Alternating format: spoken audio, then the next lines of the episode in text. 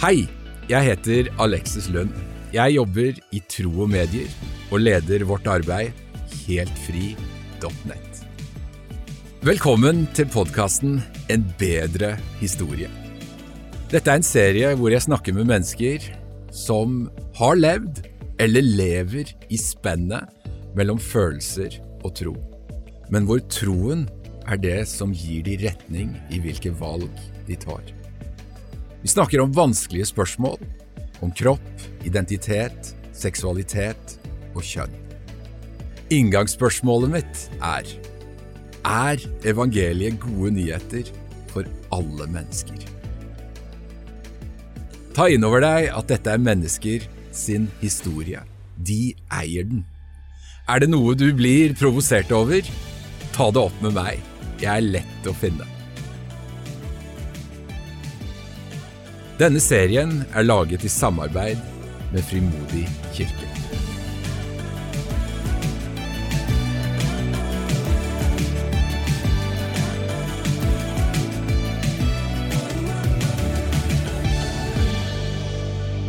I dag er jeg på Brøttum like ved Lillehammer, og eh, jeg er i et gårdstun som heter Johannesgården, hjemme hos Karen Gråten.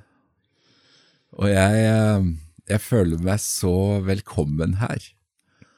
Og eh, da er det jo kanskje ekstra koselig da å si til deg, Karen, velkommen til denne podkasten. Takk. En bedre historie. Ja. Og vi skal jo prate litt om livet. Mm. vi skal prate litt om deg. Men først og fremst så er det jo en bedre historie som uh, både du og jeg har lyst til å få fram. Ja. Som vi tror på. Ja. Og da er jo kanskje det første liksom inngangen her, uh, før vi begynner å prate litt med deg, er evangeliet gode nyheter for alle mennesker? Ja, evangeliet er gode nyheter for alle mennesker. Det er det. Men en må jo ville ta imot det, da. Åh, ja. Så ligger det jo der. Det ligger der. Klart. Mhm. Men du, da har vi en uh, Vi har et veldig godt utgangspunkt da, Mm. for en god prat. Ja. Og um, jeg er jo litt nysgjerrig på, uh, på hvem du er. Vi har jo kjent hverandre en tid. ja. uh, og hatt masse samtaler og prater, og vi har vært på litt sånn ulike ting sammen. Mm. Både i kirke og litt sånn konferanser og, og den type ting. Men uh, kan ikke du si litt helt kort, hvem, uh, hvem er du, og hvordan vokste du opp? Mm. Ja, jeg vokste opp på Sjusjøen. Eh, Vi, vi, mor og far hadde en turistbedrift. Så det var jo mye folk. I sesongene så var det veldig mye folk. I helger var det mye folk som dro på fjellet for å gå på ski, hadde hytter der. Og så har jeg tre søsken, eller det vil si, nå er broren min død, så nå har jeg to søstre. Mm. Eh, og har flytta Jeg overtok eh, gården som i sin tid var farsgården, som han hadde vokst opp på, men som jeg ikke har vokst opp på. Så jeg overtok den da, i, da jeg var nyutdanna sykepleier. Og agronom. Og agronom. Ja. Hvilken tidsepoke snakker vi om nå? Jeg var ferdig sykepleien i 81, I 81. så det var da jeg tok over gården også. Ja. Så dette er jo en annen tid. Ja, det begynner å bli en stund siden. Ja, det begynner å bli en stund siden. Det gjør det. Uh, verden så jo ganske annerledes ut da. Ja, det var ganske annerledes. Um, mange ting var Ja. annerledes. Ehm, ja. Det er jo noe med, noe med hvordan man, man preges av hvordan man vokser opp, eh, relasjon til søsken, relasjon til mor og far. Eh, ungdomstida di. Det er jo gjerne der Vi kunne gravd enda lengre tilbake, ja. men hvordan var liksom, eh, liksom starten på ungdomstida di? Um, tanker knytta til, um, til gutter, knytta til seksualitet, nysgjerrighet og utforskning og, og de tingene. Hvordan eh, Nei, jeg kan jo begynne litt før eh, ungdomstida. Gjerne. For da, For da har jeg jo da en eldre søster og en yngre søster, og så var broren min og jeg, vi var på midten. Eh, men fordi jeg vokste jo opp, det var så mye trafikk og folk i sesonger, ikke sant, så det var, det var så travelt hele tida. Mor og far jobba jo, i, jobba jo, der, vi bodde jo der vi jobba. Eh, og, og, det var mye Folk var på ferie og, og drakk, vi hadde alkoholservering, så det var liksom mye surr og mye til tider også litt mye leven. Mm. Bråk. Og Var det en utrygg eh, et utrygt miljø? Og... Ja, jeg husker jeg var jo ofte litt redd for at det skulle bli bråk på kafeen, for eksempel. At noen skulle begynne, var litt fulle og snakka høyt, eller at det skulle til og med bli slåssing, kunne jo skje. Og, mm. Så, jeg, så, jeg, var jo på vakt eh, veldig mye med det. Og det gjorde jo, og mor og far altså, de var jo travle, og mor, mor var veldig Hun var den, den som var jobba mest, egentlig, fra tidlig morgen til sein kveld. Så får hun oss fire ungene midt i all denne her trafikken. Eh, så, så, det var jo Jeg skjønner jo i ettertid at det ikke, ikke, var lett for henne, men da jeg vokste opp, så var jeg jo Ble jeg jo veldig Jeg vet ikke hva jeg var. Jeg var sint på mor. Eh, jeg var veldig opprør mot mor. Jeg følte at hun så meg ikke, hun hørte meg ikke. Eh, og når jeg kom med ting, vonde ting og vanskelige ting som jeg syns som skjedde, da, så klarte ikke hun å ta imot det, klarte ikke å høre det, ikke sant, hadde ikke tid, dytta meg mm. unna. Så jeg, jeg fikk jo en veldig vanskelig start med det, nettopp med den relasjonen til mor, og at jeg, at jeg bestemte meg for at jeg vil ikke bli som mor. Mm. Det, det var tidlig. Så Hvor så, tidlig tror du du snakker da? Nei, fire år? Oi. Fem? Noe sånt. Ja. Og, og, det gjorde jo at jeg søkte meg til gutta. Jeg søkte meg til broren min. Jeg søkte meg også til far, men han var den gamle skolen, og han var glad i å ta en dram sjøl, så det var liksom heller ikke den alltid nærværende eh, mm. som jeg kunne ønska meg. Men da jeg hadde broren min, da han var ett år eldre, så han ble liksom det store forbildet mitt. Mm. Ja. Og det, det prega meg veldig, veldig mye. Jeg, jeg, tenkte, jeg tenkte, at jeg, jeg ville være gutt. Mm. Um, for søstrene mine, eldste søstera mi, hun var, hun var bare tre år eldre, men hun, hun var jo som at hun var 20 år eldre. altså, hun, hun var liksom Hun levde på en helt annen ja, hun var ikke i nærheten av der jeg var. Hun skulle liksom være flink og flinkest og best og først og størst og Flink pike? Flink pike, veldig. Mm. Og fjong, og med klær og med hår og med alt det der. Og jeg falt helt igjennom på det, ikke sant. Jeg, jeg passa jo ikke inn i det hele tatt. Så, men broren min var god å ha, da. Men du vet, vi var jo litt overgitt til oss sjøl, da. Særlig ja. når det var mye trafikk og påske, vinterferie, helger, sommer, så fant jo vi på mange ting, bare vi. Og det var jo ikke bare uskyldig moro, ikke sant, vi jo, vi hadde jo øl i kjelleren, og vi kunne vi jo, hadde ikke to tall i alderen vår engang når vi begynte å smake på det som var i kjelleren. Mm. Så, så, derfor så kom jeg veldig skeivt ut. Og så skjedde det jo ting også med folk, da. Mm. Som menn med menn, da. Fordi at jeg søkte meg til menn. Mm. Fordi det var de som var min Ja, det var der jeg identifiserte meg litt, sånn. Mm. Men så ble jo det feil òg, da. Ikke sant? Så, så, derfor Det har fulgt meg hele livet, egentlig. Um, Dette høres ut som en uh, ganske røff start på livet. Ja, det var det. I å, I å finne seg selv, da. Ja, jeg, men jeg var jo veldig aktiv og utadvendt, og veldig kjapp i munnen, og, og høyt og lavt, og for å få Fikk liksom oppmerksomhet på det, da. Å være morsom og være ja, på fest og være på ja, være på på, veldig. Mm. Så dette var noe altså Du sier helt tilbake til fire år, så er vi når du drar dette da inn i, inn i ungdomstida di, mm. uh, med kanskje det, det naturlige liksom, opprøret som gjerne er en del av å begynne å finne seg selv, ja. hvordan, Hvordan utarta det seg? For der, du hadde jo ganske mye bagasje da allerede. Jeg hadde mye bagasje, og jeg, og jeg skal ta med det også, for jeg, jeg syns det var veldig rart at kroppen min ikke utvikla seg og ble sånn som broren min. Mm. Det var vanskelig å komme i puberteten og få bryster. Mm. Og jeg, jeg var ikke hjemme i min egen kropp, altså, i det hele tatt. Så jeg fikk veldig mye sånn selvforakt tidlig, altså, jeg passa ikke inn. Og jeg kunne ikke tenke meg å se for meg at jeg noen gang, kunne, noen gang kunne være i en vanlig familie. Det var liksom ikke mitt. Det var ikke min greie. Mm. Men det var, ingen, det var ingen andre voksne rollemodeller rundt, rundt deg eller rundt livet ditt som, som du strakk deg etter. Det var jo i de nære relasjonene du på en måte speila deg, da, som er Ja. naturlig. Ja, de første åra, det var jo det. Ja. Og dermed så Jeg syns jeg har vært dårlig på liksom det å virkelig connecte i god relasjon. Mm. Ikke sant? En kunne ha kontakt ved å ha kontroll, men ikke gjennom å være sårbar og bare til stede, på en måte. Men jeg hadde, det var jo noen damer i Det var to gamle damer som bodde eh, på Sjusjøen, på hyttene der. Hun ene bodde der, hun andre var der mye. De var gode. Så jeg hadde noen sånne gode som jeg en sjelden gang traff.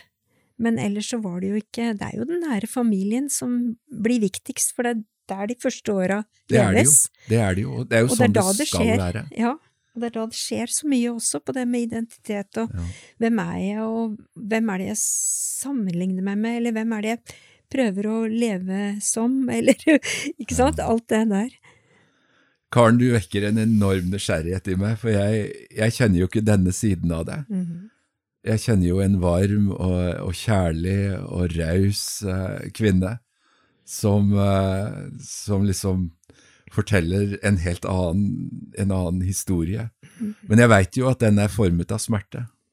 Og det er jo litt eh, Vi skal vandre litt grann mer i den, eh, i den fasen av livet. Og, og du kom jo inn i ungdomstida di Ja, og flytter hjemmefra. ja, men jeg bodde jo hjemme til jeg var 18-19 år. Ja. Som jeg drakk meg full da, første gangen jeg var 12 år. Mm. Og det, det førte meg jo inn i også mye som ikke var bra. Men um, Så jeg, jeg bodde hjemme, og jeg Men jeg Ja. Det var jo jeg, visste, jeg gikk litt på skoler her og der, da. Men jeg ville jo ikke gå gymnaset, for eksempel, for der Mor ville jeg skulle gå der, og da ville jo ikke jeg det. Ikke sant? Jeg ville ikke noen ting av det som hun ville. Mm. Så jeg gjorde jo opprør mot alt, og det, det Men jeg var aktiv og ja hit og dit, på en måte. Litt sånn på ett år på skole her og ett år på skole der, eller reise litt hit og reise litt dit, og dro ut til Canada når jeg var 18 år, og tenkte nei, da emigrerer jeg, ville jeg ikke hjem, nå, nå blir jeg her, og så døde far, da. Så ble det så de fikk lokka meg hjem, da, at jeg skulle få en bil hvis jeg kom hjem. Det var det jeg trengte for å kom, komme hjem. Og så, ja. Så Men, det var jo ganske rotete, for å si det mildt. Men nå er vi jo Vi er jo tidlig på 70-tallet her, kanskje? Da er vi tidlig på 70-tallet, Tidlig ja. på 70-tallet. -hmm. Da var det jo ingen som var født i feil kropp, og ordet homofil var jo nærmest forbudt. Mm -hmm. uh, eller det var jo faktisk forbudt. Ja. Um, hva, hva tanker var det som, eh, som, som liksom svirra inni deg? Du sier du, du hadde forakt for din egen kropp, da, eller du kjente et sånt ubehag. Falt, fant ikke, falt ikke til ro med det. Mhm. Um, hvor, eh, hvor gikk du med disse tankene? Nei, jeg hadde jo ingen å gå til med de tankene. De var vel ikke så bevisste heller. Nei. Ikke sant? At en bare har selvforakt. Jeg Ja. Mm. Jeg, jeg trøsta meg i flaska, da. Men det var ikke mye trøst å hente der. Eh, Men ellers Så smertelindringen i dette var, var alkohol? Ja. Først alkohol, og så ble det stoff også. Mm. Fra jeg var 16. Så da holdt jeg det gående med det, da. Ja. Til jeg ble redda av Jesus. Skal vi snu bladet her, da? For dette er, ganske, dette er ganske mørkt, Mhm. og dette er jo noe som uh, på mange måter uh, har å kunne prege livet ditt på en, på en helt annen måte. Mm. Uh, men det har jo selvfølgelig prega mye av livet ditt. Mm. Men hvor og når kommer troen inn i bildet her? Ja, det var Jeg gikk som sagt litt på skole, litt her og litt der, og så um, Jeg var på en folkehøyskole, og da ble jeg satt litt på sporet av kanskje landbruksskole hadde vært fint. Og det var jo bare litt sånn Man bare griper noe av det som faller ned. Så Så gikk jeg først et år på landbruksskole, og det, det likte jeg godt. Det passa meg. Og da tenkte jeg ja, jeg vil gå ett år til eh, og bli agronom, da. Mm. Og da søkte jeg meg litt rundt omkring, så kom jeg inn på Tom, og så oppdaga jeg at den var kristen, så jeg aldri i verden, dit skal jeg ikke. Og da husker jeg far sa det kanskje du skulle ha gått av, Hva var årsaken til at du ikke ville det? fordi jeg fikk høre at den var kristen. Og det vekka noe inni deg som Jeg var jo eh, så sint på kristendom. ja.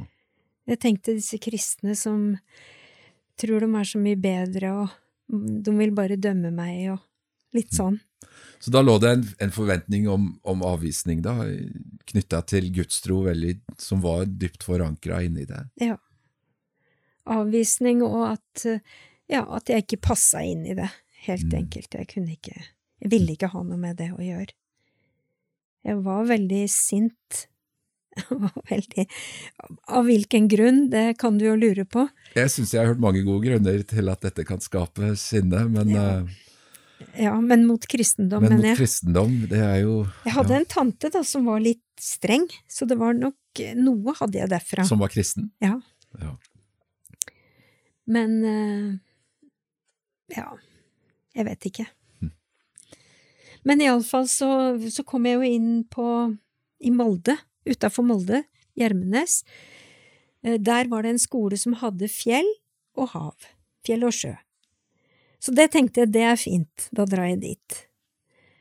Og så, og ikke, jeg visste jo ikke at det var vekkelse Jesus, det var jo Jesusvekkelse på 70-tallet, det visste ikke jeg og at det var Ung Visjon og masse unge kristne i Molde, det visste jeg jo heller ikke. Så når jeg kom på landbruksskolen, så varte det ikke lenge før liksom det, I klasserommet så ble det sittende kristne foran meg og bak meg og på begge sider. Jeg følte meg helt omringa. Så det krydda de plutselig? Ja. ja. Og unge. Ja.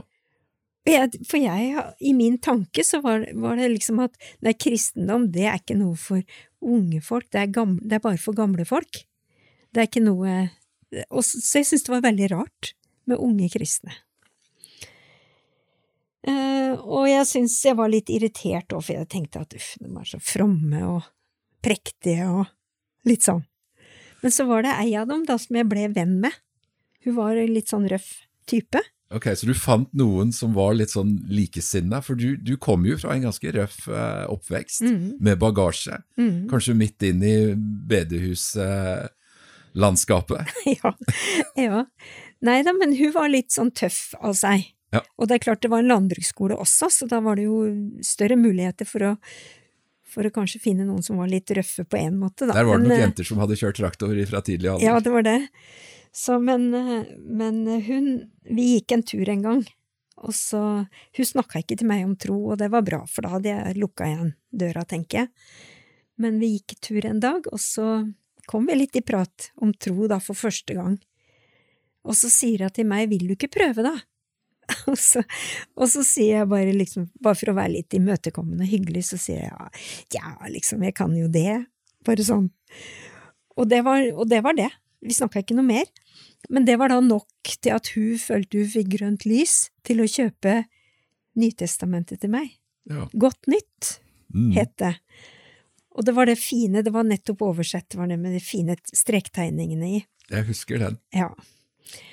Og da jeg på mitt rom alene åpna den boka, så spratt orda ut og var levende. Jeg så inn i en virkelighet som jeg ikke hadde aning om fantes. Og det var som at å lese noe som hadde en dybde som jeg bare Jeg bare kjente merk, Altså, det var bare en dybde som jeg ikke Jeg bare kjente at her var det Jeg var så glad for at Bibelen var tjukk, fordi, det, fordi jeg kjente at det var så skapende, lev, livgivende ord. Det var, det var, noe mer enn bare ord, ikke sant? En setning fra A til B, men det var en dybde.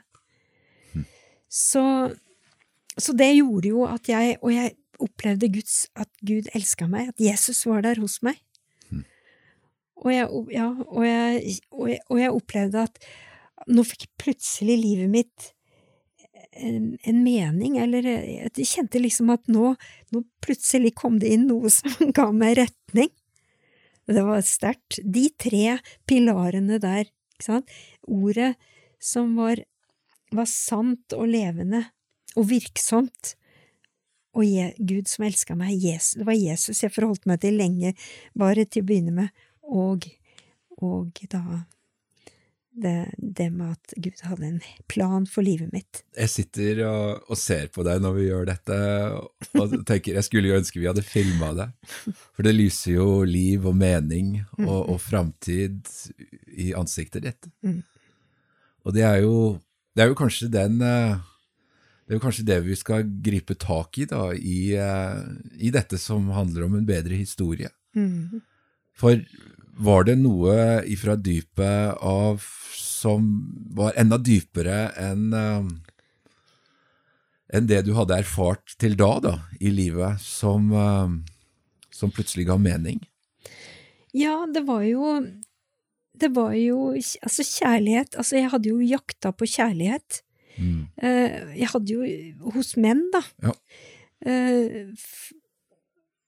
men jeg fant jo ikke. Det, tvert imot. Mm. Det ble jo Det var jo ikke noe som ga meg noe. Jeg, eh, og nå møtte jeg en som elska meg. Jeg kjente kjærl merka kjærligheten. Og jeg fikk liksom et svar på den lengselen etter kjærlighet. Og det var mer enn noe som var fysisk? Ja. Det var noe ja. helt annet. Hm. Mye djupere. Så det, jeg sier jo ofte i møte med unge mennesker da, som er i disse prosessene, at mm. dypest sett så søker vi mennesker å bli elsket. Mm. Og så veit jeg jo ikke om, om, de skjønner hva jeg sier, men det er jo dette jeg snakker om, da. Ja. ja. ja. Hvor gikk veien videre da, ifra, den, eh, ifra de, de kveldene og, og liksom når Bibelen ropte mot deg? Nei, altså starten var jo rosenrød. Ja. Det var jo Jeg svevde jo på en rosa sky. Og, og, Jesus var hos meg, og jeg snakka med han om alle ting. Når mine venner på skolen skulle ha fest og drikke og sånn, så kjente jeg nei, det, det skal ikke jeg. Og så, og så ble jeg litt sånn hva gjør jeg nå, liksom? Så stakk jeg ned på mørkerommet, for jeg drev med fotofremkalling, så jeg hadde nøkkelen. Så sto jeg inne på mørkerommet og snakka med Jesus, da, litt, og så fikk jeg liksom kraft til å gå opp igjen, og så Så jeg, jeg gikk jo veien veldig mye aleine den første tida, for jeg hadde såpass mye sosialangst, egentlig, selv om jeg var ute med folk og aktiv, mm. så, så så var jeg likevel eh, den her nære relasjonen, og det, det var jo vanskelig. Så jeg ble jo heller ikke med disse her eh, fra Ung Visjon og inn til Molde på møter, for jeg var jo redd for at jeg måtte kanskje be høyt, eller kanskje jeg måtte gjøre noe som jeg ikke likte eller ikke turte. Mm. Jeg hadde veldig mye sånne ting som jeg ikke turte. Så, så men, men, jeg hadde Bibelen. Tenk, vi i Norge, vi har Bibelen, ja. og vi kan lese. Og jeg fant ut veldig fort, jeg gikk, jeg vet jeg gikk i en kirke, og så tenkte jeg, hva er det han snakker om? Og så tenkte jeg, nei, nei, jeg får holde meg til Bibelen, for den er ren. Renere forkynnelse kan du jo ikke få, da, enn å lese i den boka. Mm. Så, så, jeg hadde Bibelen, og Den hellige ånd var hos meg og åpna ordet og gjorde ting levende, og jeg, jeg åt. Det står om Jeremia, jeg fant ditt ord og åt det. Det var litt sånn. Og jeg, og jeg, fikk lånt noen lovsangsplater, og jeg hørte, og jeg leste, og jeg fikk, det utvida seg jo litt etter litt, da. Så jeg fikk liksom mer og mer. Og etter hvert så fikk jeg jo henta mer hos andre og komme sammen med andre òg, men ikke det første året. Men så, så, opplevde jeg at ja, nå er jeg blitt, ble jeg agronom, jeg kanskje, tenk om jeg kanskje skal overta gården, ja, kanskje, ja, men gud, kanskje jeg skal, kanskje det hadde vært fint å ha hjelpe, hjelpepleien ved sida av, da, så jeg har litt yrke ved sida av. Og så øh, opplevde jeg ja, da skal jeg søke meg til hjelpepleieskole. Mm. Og så kom jeg inn på Kongsvinger, og så sier jeg til men Kongsvinger, der er det da vel ingen kristne, det er liksom skikkelig hed hedningemarken. Men da må du gi meg noen som er kristne, sa jeg til Gud, hvis jeg skal dit, ja. Så dro jeg, så kom jeg inn, og så dro jeg dit. Og den første jeg ser i eh, Eller kommer inn i klassa, så ser jeg ei som har et kors. Tenkte jeg å takk, der er hun, der er hun, liksom. Og da fikk jeg en kristen venn med en gang. Og der i Kongsvinger var det ungdoms... Da var det òg vekkelse, ikke sant. Det var jo vekkelse rundt omkring i Norge. Det var mye som skjedde på den tida. Det var det. Vi, ja. Og der de hadde, ungdommene i Kongsvinger hadde et hus som de disponerte. Så det var, på, det var kirka som eide det, tror jeg, men det var liksom tverrkirkelig. Og det har alltid passa meg best. Dette er jo den Jesusvekkelsen som, som skjedde mye rundt i, i, masse ulike settinger. Ja. Jeg er jo født inn i den, ja. for jeg er jo født i 72. Ja, nettopp. Så, så jeg veit jo liksom Jeg var jo barn under mm. denne tida. Mm. Men hvordan, eh, hvordan var det for deg å komme til Kongsvinger med denne nyvunne troen uh, med din historie og dine traumer, og kanskje frykten igjen da, for, for avvisning, eller ja. For det var jo mange ting her. altså Du, du hadde jo Du bar jo Og jeg veit ikke hvordan du, du, gjorde med det sinnet som du hadde inni deg, og alle disse tingene. Mm. For sånn som jeg tenker nå, da, så er det jo ting her som må jobbes med. Mm. Som ikke er ferdig. Som ikke er ferdig. Ja. Så, så hvordan, hvordan, blir den reisen? Det kom etter hvert, men det kom ikke så tidlig. Nei. Så er, jeg har jo fått jobbe med livet egentlig hele livet. Jeg tenker det gjør en jo, men Ja, det gjør vi, ja.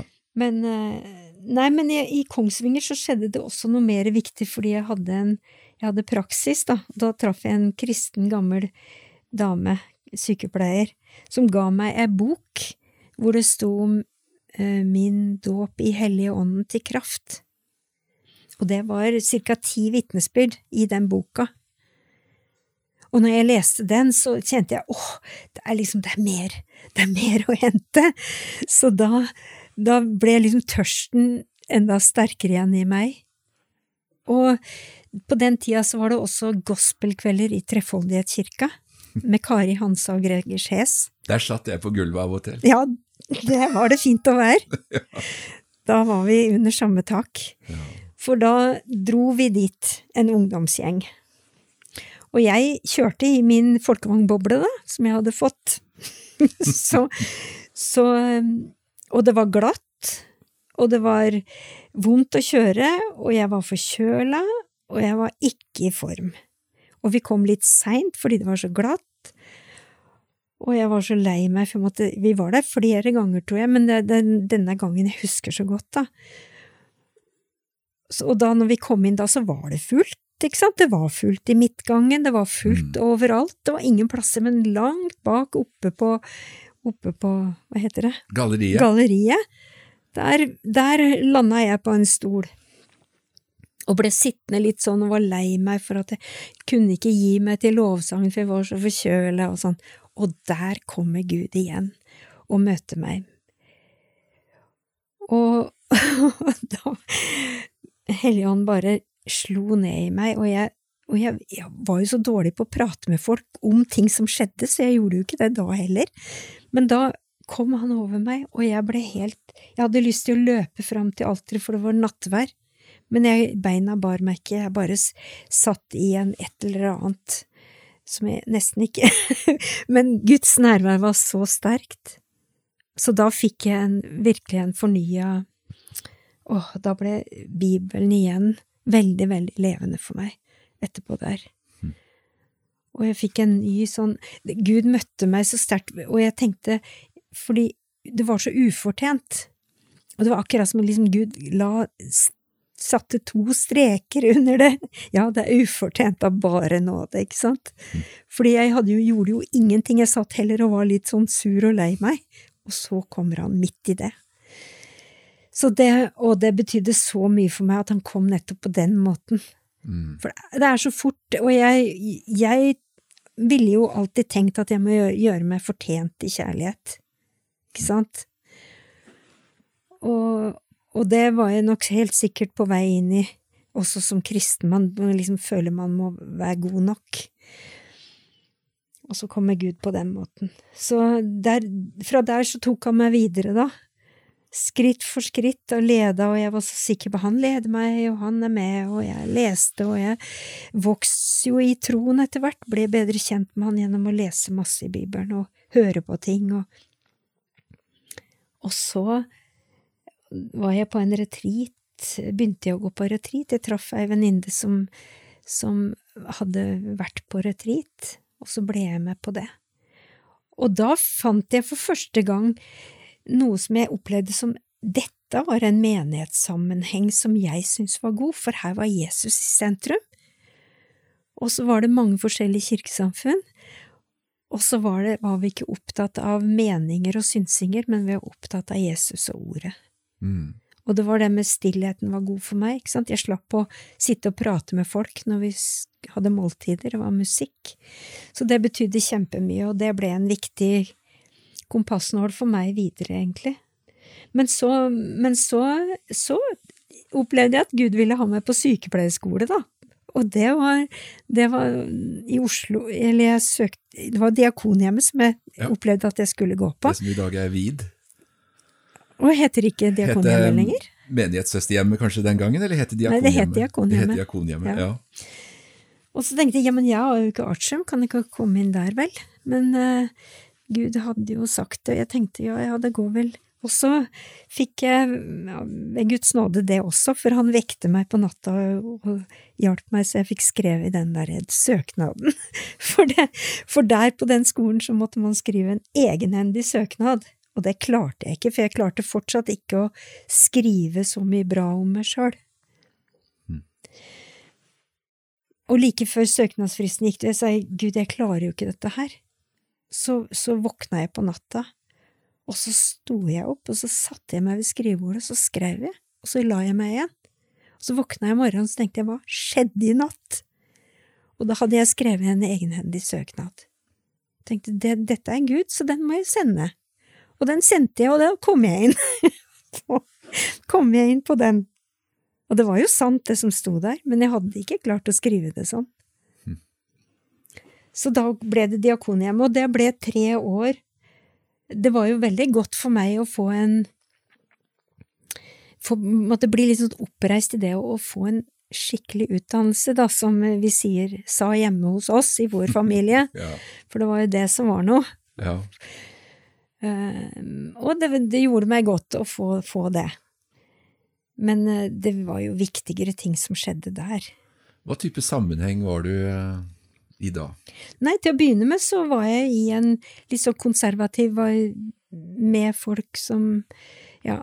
Men, men så syntes jeg det var så godt å komme til Oslo, da. Det var så Det var liksom mer Var ikke så gjennomsiktig og kunne liksom være litt mer anonym. Du kunne menge deg litt mer i ja i folk? Skjule deg, kanskje? Ja, litt mer det.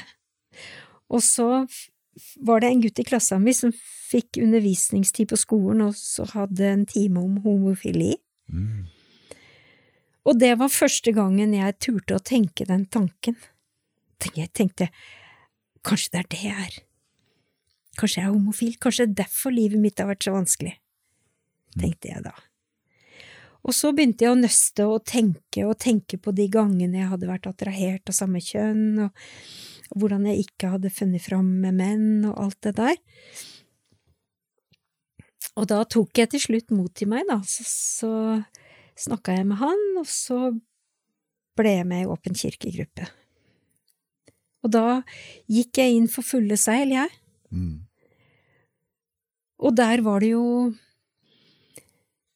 det var jo spennende, og det kjentes veldig befriende. Du ble sett? Og jeg ble sett, og jeg kom inn i en gruppe hvor en kunne bare være seg. Mm. Eh, Hvor bevisst var du i forkant av hva du, hva du gikk inn i? Var det en, en bevisst tanke at eh, jeg er homofil, eller var det liksom Eller passa det inn i din verden? Nei, ja, det var ikke at jeg tenkte at jeg var homofil, så nå må jeg bli med der. Det var mer sånn å søke, hele tida søke hvor er veien, hvor er veien til det gode liv, på en måte. Mm. Selv om jeg hadde fått så mye fra Gud, så var det, var jeg likevel, det var bare tre år jeg hadde vært kristen. Ut ifra ingenting, for å si det sånn. Og uten å ha vært med i noe fellesskap sånn òg, for de vanlige menigheter, det gikk, det, det gikk jeg jo ikke jeg på. Jeg dro på noen stevner, men ellers ikke. Så, så jeg var jo ikke så rotfesta. Og, og i åpen kirkegruppe var det jo prester, og det var jo kristne, og Så jeg tenkte ja, det, da er vel det greit, liksom. Jeg reflekterte ikke så mye over det, tror jeg. Nei. Jeg tenker, Karen, bare, bare for å stille litt sånn annen type spørsmål inn i, inn i dette i dag, så er det jo mange unge mennesker som, som har disse spørsmålene i seg, som kjenner seg utilpass med sin, sin egen kropp, eh, med sin egen biologi, eh, og kanskje sin egen seksualitet. Um, hvor tenker du de skal søke inn i? Hva, hva type miljøer Jeg veit jo at nettet er jo i stor grad det som svarer på veldig mange spørsmål i dag. Eh, sosiale medier, TikTok, ulike influensere som, som beveger, altså in, som har stor innflytelse. Hvis du spoler tilbake igjen liksom, til den tida du var ung, um, du hadde en, en historie, som, og du var sårbar. Du var ny i troen. Um, hvor tenker du i dag, hvis du, hvis du skulle sett tilbake, er det, en, er det en annen plass du skulle ønske du hadde søkt, eller var det mulig å søke en annen plass? Var det åpning å snakke om disse tingene? Nei, det var det jo ikke. Nei. Og selv om jeg da egentlig ville inn i, i mer type vekkelsesmiljøer, så turte ja, et, etter at jeg kom inn i Åpen kirkegruppe og gikk den veien, da, så, så merka, jeg- tok jeg jo tydelig avstand fra mer vekkelses. Men før, det det, før du spør om nå, eh, og det det, er, det var jo ikke det. Det er jo det som er litt sånn mangel. Vi, vi får ikke satt ord på vi, kan, vi tør ikke å sette ord på livet fordi vi er redd vi skal bli fordømt, eller er redd at folk ikke skal forstå, at de ikke tar imot oss. Tror du det Redd for avvisning. er sånn? Ja, det tror jeg. Ja. Det er, det er jo ikke lett, det der. Nei, jeg er ikke uenig med det. Mm, Jeg, jeg møter jo dette, og ja. opplever jo av og til mennesker som, som kanskje av og til sier noe som i form av endelig er det en som vil lytte til meg, endelig en jeg tør å åpne meg ovenfor. Mm. Det er så fort å ville bare få folk inn i sin egen, sine egne tanker, men det å bare høre på, og det å hjelpe folk til å få lov å faktisk reflektere. Men det er lett å si i ettertid at man skulle kunne gått mye streitere på veien, men, men eh, for meg så sant, En søker litt sånn bekreftelse på det en har lyst til, kanskje, eller det en En er ikke så bevisst, en skjønner ikke at Guds vei er så god som hun er. Hadde en enda skjønt eh, Jeg vet ikke helt. Nei, men jeg tror du er, inne på noe, du er inne på noe ekstremt viktig i disse spørsmålene i dag, fordi en finner jo det svaret en vil ha. Ja, det er det en gjør. I, eh, I nettet, for eksempel, så er jo det veldig, det er veldig enkelt. Altså, En kan finne fram til faktisk hva som helst. Om en tror jorda er flat, så vil en finne mennesker som er enige om det. Ja. Det er jo et eller annet med at eh, hvordan Hvordan formet dette deg? da? Hvordan tok dette deg videre i, uh, i livet? Og hva gjorde det på dybden av du har to ganske, du har to ganske sterke gudsopplevelser. Eh, først i Molde, og så, og så i Kongsvinger, og i, i dette vekkelsesmiljøet. da. Men uh, hvor førte dette deg videre? Det førte meg Til å begynne med så var det liksom en lettelse, en befrielse, og jeg fikk meg kjæreste, og det kjentes bra og godt, og for første gang, kanskje, så kunne jeg, turte jeg å slippe noen såpass tett innpå meg som en kjæreste gjorde. Eh, så, så, på en måte så var det, var det bra, ikke sant. Jeg, jeg, opplevde det bra. Men det som skjedde, da, var jo at, eh, at troen og Jesus kom på avstand. Eh, det ble åndelig tørke etter hvert, for å bruke et mm. sånt uttrykk, at Bibelen Bibelen lukka seg det, Altså, i Åpen kirkegruppe, det var jo viktig, da, å si 'jeg er homofil'. Det var viktig å bekjenne. Det var viktig å si det. Så først skal du si det til den, og så skal du si det til den, og så sier du det til den, og så skal du si det til flest mulig, for da er du med på å bryte ned disse fordommene i samfunnet, tenkte jeg. Mm.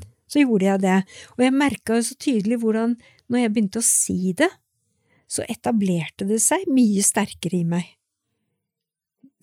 Ordene våre skaper noe. Mm. Um, og det tok meg jo eh, til å begynne med, i, det var jo spennende og alt det her, men det var, det tok meg bort, altså jeg sier jeg skifta fil og ble homofil, og akkurat når du skifter en fil, så er det ikke så stor avstand, men da har jeg begynt på en annen vei. Den, for det, du tok jo, sånn som du forteller, du tok jo innover deg en, en ny identitet i Molde, mm. hvor du var elsket. Ja. Uh, hvor du var ønsket, og du, du, kjente på den at det er, en, det er en vilje bak at jeg er til. Mm. Og, og, det du sier nå, er jo at her, her kjølner det. Her blir det en er det, er det på en måte noe som skifter plass i livet, hvor mine følelser eller min identitet, som jeg nå velger å omfavne, hva enn det nå skal være, men i dette tilfellet homofil, mm -hmm. tar på en måte det rommet? Er det det som skjer? Er det Ja, det tror jeg faktisk. Fordi da, da var det den kjærligheten som ble viktig, ikke sant? Fikk, da, der fikk jeg kjærlighet, der ble jeg sett, der, fikk, der kom jeg inn i noe setting.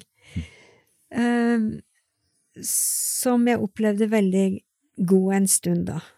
Hvis vi holder på den tanken om at dypest sett vi søker å bli elsket, mm. som jo har vært veldig førende liksom, og, og, og for, formende i, i, liksom, i, denne fasen da, av livet ditt, mm. så er det noe her som, uh, som forsvinner i denne dybden. Er det, har jeg rett i det? Er det det liksom tenker Når jeg hører du snakker om dette, så hører jeg liksom at det er noe som kjølner. Ja, ja fordi da, da, søkte jeg jo den kjærligheten i, på et sted som ikke Gud, sånn som jeg leser Bibelen, så, så er ikke den velsigna fra Gud. Det står så tydelig mange steder, men det skal komme tilbake til seinere. Mm. Men eh, For da gikk jeg på en måte mer min egen vei. Da fant jeg for det er jo det samme, da. Da fikk jeg kjærlighet Man søker den kjærlighet. Og så satte jeg litt Gud på sida da, og så søker jeg menneskelig kjærlighet. Mm. Og da kommer den, kom den foran. Da ble den veldig viktig. Den saken ble så viktig. Eh, hele tida var det den saken som lå øverst. Og jeg opplevde liksom litt sånn Nytestamentet på baklomma, ikke sant. Og så Vi var jo kristne menn det her var viktigere, på en måte. Mm. Hvor, lang, eh, hvor lang, tidsepoke snakker vi om nå, og, og, og hvor lang tid var, levde du i denne i denne måten å leve livet på, da, i det mm. valget som det jo Det blir jo et valg du tar, da. Ja. ja, nei, det ble Til sammen så var det vel en tre år, men jeg begynte jo på veien ut Eh, etter et par år, vel. Eller ja, det er rundt tre–fire år, eller noe sånt. Ja. Så for etter hvert så, så ble det litt sånn, og samboeren min også, vi begge, vi spurte litt hvor er Guds kjærlighet? Hvor er Gud her? Hvor er Guds kjærlighet? Hvor er Guds nærvær? Så vi begge spurte etter det. Så hun var en troende ja, og hadde ja, ja kanskje en historie med seg, og hadde òg en lengsel etter å bli elsket. Ja. Selvfølgelig, som vi alle har. Ja. Så da gikk dere litt på den veien sammen, da? Vi gikk, Til å begynne med så gikk vi litt på den veien sammen. Og vi, vi, kom, et, vi kom til Forklaringsberget først en tur hvor Gud så, vist, så klart viste at, at, seksuelt samliv utenfor ekteskap mellom mann og kvinne er synd. Punktum ferdig. Ja. Det var veldig enkelt, på en måte. Vi så det så klart, i hvert fall jeg så det veldig klart. Og det gjorde at det var veldig enkelt å bare si å, Gud, unnskyld, vi vender om fra det, vi vil snu ryggen til det. Mm. Så det gjorde vi begge to. Uh, og vi fortsatte å leve sammen et år til, som venner. Mm. Men da hadde vi jo allerede det bakteppet vi hadde, så vi, det var mye bindinger mellom oss og sånn fortsatt, og avhengighet og litt sånn, som Dette er ganske dette, dette er ganske røffe valg, for i tiden vi lever i i dag, da, mm. uh, så er jo nærmest sex blitt meningen med livet. Ja, det er helt utrolig. Og det, det er jo i konflikt med troen. Ja, altså det er grunnleggende i konflikt med hva vi, hva vi er, som ja. skapt i hans bilde. Ja. Men her er jo du i, i, i, på mange måter i en ganske ganske vanskelig situasjon. Um, ja, da, da, følte jeg jo at jeg sto i den Da sto jeg jo på det, det platået som, som, man tenker at ja, det er man kan, ha, man kan være homofil, men du får ikke leve det ut, ikke sant? Og da kjente jeg nå gjør jeg jo det som Nå er vi innafor mm. kirken. Vi lever ikke seksuelt sammen, men jeg har disse følelsene Jeg er homofil. Og det hadde jeg jo fått klart å overbevise meg sjøl med tjukke bokstaver. Og jeg husker det var jo mange sånne debatter rundt det, og er du født sånn eller blitt sånn, født sånn eller blitt sånn? De debattene går fortsatt? Ja, de går fortsatt. Ja. Og det, det, er jo klart, det er kjempeviktig å få, få understreke det at du er født sånn, for hvis du er født sånn, så må du jo også få være sånn. Mm. Men det tenker jeg er en stor løgn. Og jeg begynte å Etter en tid så begynte jeg å virkelig rope til Gud, hvor er du, liksom, det var fortsatt ikke helt det, Jeg kjente var ikke, ting var ikke helt på plass. Og, og jeg tenkte, Gud, er jo rart, har du skapt meg til noe som jeg egentlig ikke får være? Du som er så kreativ og livgivende. Er det noen som har masse liv, så er det jo Gud. Mm. Og, og, og, og, livsutfoldelse og kreativitet. Har du skapt meg til noe som jeg egentlig ikke får lov å være? Mm. Og det spørsmålet hang en god stund. Det gjorde det. Det er jo gjerne det spørsmålet som eh, Jeg òg møter jo mye det i møte med mennesker. Som, eh, som jeg, jeg, skjønner medfører smerte, fordi at troen um, og konsekvensene av troen som vi jo da snakker om her, mm. medfører smerte. Ja. Så hva, hvordan håndterer du dette, eller hvordan håndterte du det ja. den, uh, i den prosessen? Altså, jeg søkte virkelig mye. Jeg søkte i Bibelen, jeg ba, og vi gjorde det sammen òg, men jeg, nå tror jeg bare må snakke om meg, fordi så jeg uh, ja, jeg virkelig søkte Gud. Jeg, jeg måtte liksom finne igjen den skatten. Altså, det står smak og se at Herren er god, og jeg hadde jo smakt og kjent at Herren er god ja. og nær. Så, og, det, og, og, kjærlighet og full av nåde, altså, han er bare så god. og jeg måtte finne igjen den perlen, den skatten, og jeg sa til Gud, hva er det for noe, hva er det for noe da, liksom, er det noe i veien, er det hvor, hvor eh, er det, hva er det som skiller, hvorfor er, hvorfor er, jeg liksom ikke helt hjemme hos deg? For da kjente jeg at jeg var ikke helt hjemme hos han. Mm. Uh, og det endte opp med, etter ganske lang tid, at jeg kom på et sted hvor jeg fikk se nye ting. Ehm, jeg kunne snakke med folk. Jeg kunne snakke med alle mulige folk. Hva kan det være, hva er det som ligger i veien? Og jeg visste jo at forholdet til mor var jo vanskelig, og, og, andre ting var vanskelig, men å snakke om akkurat det her med identitet, det gjorde jeg ikke. Det sa jeg aldri noe om. Det var for nært, eller for smertefullt? Ja, jeg, jeg syns nok det var for vanskelig, tenker jeg. Ja. Men, eh, men nå traff vi et par som faktisk, vi begge to, vi var på et stevne, og det var et, et ektepar som faktisk gikk inn i bønn og faste for oss. Og det endte opp med at vi, i samtale med dem, plutselig så ble ting altså så klart for meg. Og det var at jeg så det at, ja, men gjennom at jeg går og sier at jeg er homofil, så, så bekjenner jeg meg til noe annet enn det å være Guds barn, Mm. enn å være Hans elskede datter. Jeg sier at jeg er, ja, men Gud har jo skapt mennesket til mann og kvinne, står det i skapelsesberetningen. Og jeg går rundt og sier, jeg er liksom skapt i, til homofil, da, egentlig. Ja.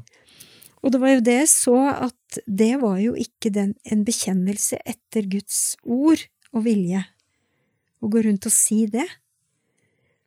Det er jo på samme måte som å si at jeg er en jeg, altså, Snakke negativt om seg, det er jo heller ikke bra, ikke sant? Fordi Gud har tanker om oss.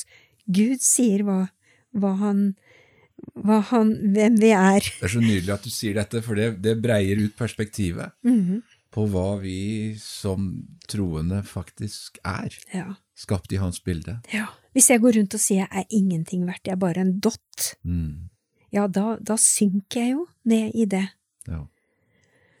Så bekjennelsen vår er jo viktig. Og, og jeg eh, tok virkelig da, da, da Men da sto jeg virkelig på kanten av stupet, følte jeg. Fordi hvis jeg ikke er homofil, nå hadde jeg kjempa ganske mye rundt det å være det, og hvis jeg ikke er det, hvem er jeg da? og det var, det var heftig. Jeg, opplevde å stå, stå helt på kanten Ja, av et eller er- annet stup, på en måte. Dette er svære ting, Mhm, og det er grunnleggende ting. ja. Hva fant du? Nei, altså, jeg vil jo følge Gud. Jeg vil jo ha Det er jo det som har vært drivkraften min hele tida. Om jeg rota meg bort, så det, må jeg tilbake til Han, for det er der livet er. Så, jeg, så da tok jeg sjansen, på en måte. Jeg kasta meg ut i det. Tenkte ja, ok. Det får bære eller briste, på en måte. Jeg må bare Jeg må bare kaste meg ut i det og stole på at Gud er der. Og så må jeg finne ut, da, ut ifra Bibelen, hvem jeg er, da. Sier, hvem sier Gud at jeg er? Hvem er jeg egentlig? Hvem er du? Hvis jeg ikke er homofil, hvem er jeg da? Ja. Og da begynner jo det som Bibelen snakker om, å ikle det nye. ja. Legg av det gamle. I dåpen så dør vi fra det gamle, og vi ikler oss. Vi, ja, vi skal ta på oss noe nytt. Mm. Men det er jo noe som tas på inni hjertet, da. Det er jo innifra som Gud gjør disse tingene. Det er ikke noe vi skal presse fram utenifra. Jeg får utrolig mange tanker inni, eh, inni hodet mitt eh, når, du, når du snakker om disse tingene. Eh, jeg tror noe av det kommer ut ifra hvem jeg er, Mm. som mann med farshjerte som jeg bærer som en del av meg. Mhm. Som tenker i starten av denne historien, og jeg skulle gjerne Jeg skulle så gjerne inderlig sett at du hadde det tryggere. At det, det var mennesker som tålte spørsmålene dine. Mhm. som, som kunne gi deg retning og, og beskyttelse. Men Mens når jeg sitter og, og hører deg fortelle historien din, og, og du stiller det grunnleggende spørsmålet om hvem er jeg, og du står liksom på stupet, som du forklarer, og du har hånda di helt frampå liksom kanten på stolen, som om liksom du står på et stup. Uh, så, så tenker jeg på, på denne overskriften her, En bedre historie. Og jeg hører jo Jeg hører jo hvem du er. Og jeg vet du er karen, men på dypet der nede så er det noe som eh, som òg heter Eva. Mm. Som, eh, som snakker ifra dypet, da. Mm. Og denne Eva har jo òg en reise. Mm. Um, hun ble jo et folk som Gud elskte, og fortsatt elsker. Um, som stadig rota det til. Mm. Og Gud stadig eh, ropte tilbake. Mm. Kom tilbake til meg. Og det er så Ja. mange referanser her. Ja. Vet Vi kunne jo sitte her i dagevis. Mm. Og dette, dette folket ble jo til en by. Dette er, nå er vi jo liksom inne i kjernen av den gode historien av Ut ifra hvordan jeg tenker da, hvem du er. Og vi vet jo at denne byen nå blir jo til en brud. Mm. Og nå, er vi, nå, nå maler vi de store lerretet liksom inn i, tenker jeg, i livet ditt, da. Som, uh, som jeg, eller som på mange måter Ja, jeg lengter jo etter det, og jeg, jeg håper etter det, og jeg, jeg tror på det. For, for livet ditt var jo Altså, du står på stupet, du tar disse valgene. Dette er mange år sia. Mhm. Du, eh, du har jobba mye etter det. Jeg hører jo det, at her ligger det jo mye på dybden. Mm. Men uh, Hvem er du? Ja, det står jo altså Romerne 12,2 er jo et nydelig, ikke sant? Bli fornyet ved at sinnet fornyes. Hvordan blir vi, hvordan forandres vi? Jo, vi forandres ved at sinnet vårt, vi får nye tanker. Det er jo det som er omvendelse, er jo, betyr jo å få nye tanker, altså bytte ut løgn med sannhet, som det står. Det er jo en jobb å gjøre det ta hver tanke til fange som reiser seg opp mot Kristus. Um, og, og det jo, har jo vært det, og, og, tro er jo å ta til seg av Guds ord, Guds tanker, for oss. Og hvis Gud blir min pappa, hvis en tenker det å bli født på nytt, da, som Bibelen sier det deg, født av vann og født av ånd. Og jeg, og jeg er født, født av vann, ikke sant, jeg er død med Kristus og oppreist til et nytt liv sammen med Han. Jeg er ikke bare død med Kristus. Jeg tror ikke bare på korset, jeg tror på oppstandelsen. Mm. Å leve et liv sammen med Han. Og, og, det, og hele, hele, vårt liv her handler jo om vi blir forvandla gjennom at vi kjenner Han, gjennom at vi ser hvem Han er. Det står en dag skal vi se Han ansikt til ansikt, og da blir vi helt lik Han. Men underveis så er det det som skaper forandring i oss, er jo å se hans ansikt, se inn i den kjærligheten, inn i det blikket, inn i den renheten, inn i den kraften, inn i den omfavnelsen. Der er jeg hjemme. Det finnes ikke noe annet sted eh, som, som jeg altså, kommer hjem på. Jeg, jeg har Jeg kunne nok Jeg kunne ha gifta meg. Jeg hadde noen muligheter. Jeg ba om en mann også, og fikk det faktisk også. Mm. Men vet du hva, jeg turte ikke helt, jeg var så redd for at den kjærligheten til Jesus, at det skulle bli for vanskelig, og, og det var sikkert så sammenheng igjen med mine sår, og at mye har trengt å bli lekt i meg. Mm. Men, men den er så dyrebar, for det er den som består, den kjærligheten til Gud, da, gjennom Jesus, den kjærligheten til Jesus. Han er mitt liv. Han er min rettferdighet. Han er min hellighet. Han gir meg det jeg trenger. Han leder meg på rette veier. Så, så, så det å få Bibelen sier 'legg av det gamle', som blir Altså, vi blir forført av de for, lystne, står det. Det er jo følelsene våre og trangen, begjæret i kroppen, begjæret i vår gamle natur. Det gjelder jo oss alle. Ja, og det gjelder på alle områder. På alle områder. Som drar oss bort fra Gud. Ja. Men når vi er født av ånd, så får vi Hans liv inni oss. Og da gjelder det jo at det livet får trenge seg fram, da, får vokse. Som Johannes døperen sa, han skal vokse, jeg skal avta. Mm. Hans liv i meg får bli større og større, ikke, ikke, for at jeg skal dra meg etter håret og prøve å få til noe, men fordi jeg, jeg blir kjent med han. Og vi vet, vi sier det jo, vi, man blir jo lik den man lever nær, ikke sant? Og det å få leve nær Gud, for det, det er jo ev, evigheten er jo lagt ned i hjertet vårt. Vi, vi har jo allerede starta på evigheten. Det er jo, det er jo for stort. Livet her er så kort, og verden ligger i det onde, og det er mye som er vanskelig, og kan bli tungt, og kan bli motbakker og sånn. Men det, det betyr at du, du, på mange måter her, og det du sier, og det, liksom der jeg liksom ønsker bare å hente fram noe av denne utrolige historien, er jo at du du har tålt å, å møte òg smerten i livet. Knytta til at du, du, ba om en mann, men så, så, er det omstendigheter i livet ditt, det er, det er ting i livet som, som, er der, som gjorde at du gikk i en annen retning. Men uh, du bærer en ring på fingeren din. Ja, jeg gjør det. Jeg har kjøpt en ring i Israel som sier som har eh, på hebraisk her, så står det fra Høysangen. Oi. Det er et vers som sier Min elskede er min, og jeg er hans. Og en høyere kjærlighet fins ikke.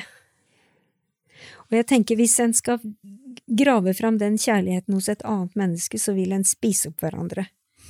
Det går ikke. Men en mann og en dame som hver for seg har Jesus som sitt første, og så tror jeg veldig mye på det.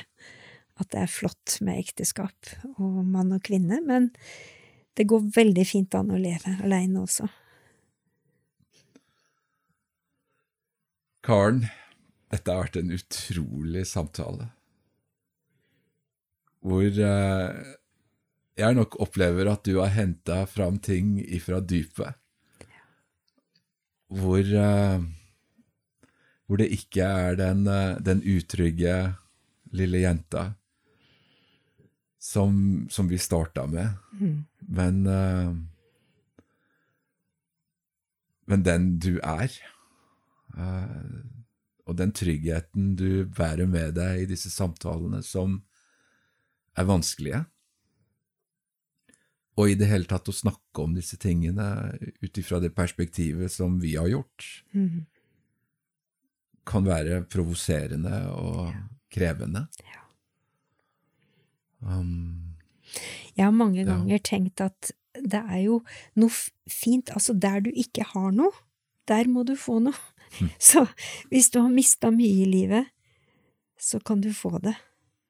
Hvis jeg, mm. hvis jeg, jeg, trenger jo ikke noe der jeg har blitt content, der jeg har blitt uh, fornøyd, der jeg har det jeg trenger, Nei. men der jeg trenger noe. Så, jeg, så, det er vel sånn har jeg tenkt mange ganger, at jeg har hatt det, det store behovet for å bli sett og bli elska og bli, få, lov å leve i, få lov å leve her i verden. Ja. Det, det, har Gud vendt, da, til det gode. Mm. Men det er jo hos Han jeg får det. Det er, jo, det er jo bare der jeg kan få henta det. Men det er fint, det. For da, da blir det synlig. Eller ja, da, blir det, det tydelig og viktig. Du har jo vært frimodig med historien din, og vi er i ferd med å runde av her. Mm. Men uh, jeg bare stille deg ett spørsmål til. Den historien din som du har fortalt i ulike formater ifra ganske tidlig av, du var ganske tidlig ute og, og fortalte ditt, din historie. Hvordan, hvordan møter du eh, mennesker som tror og tenker og lever annerledes enn deg, knytta til disse spørsmålene?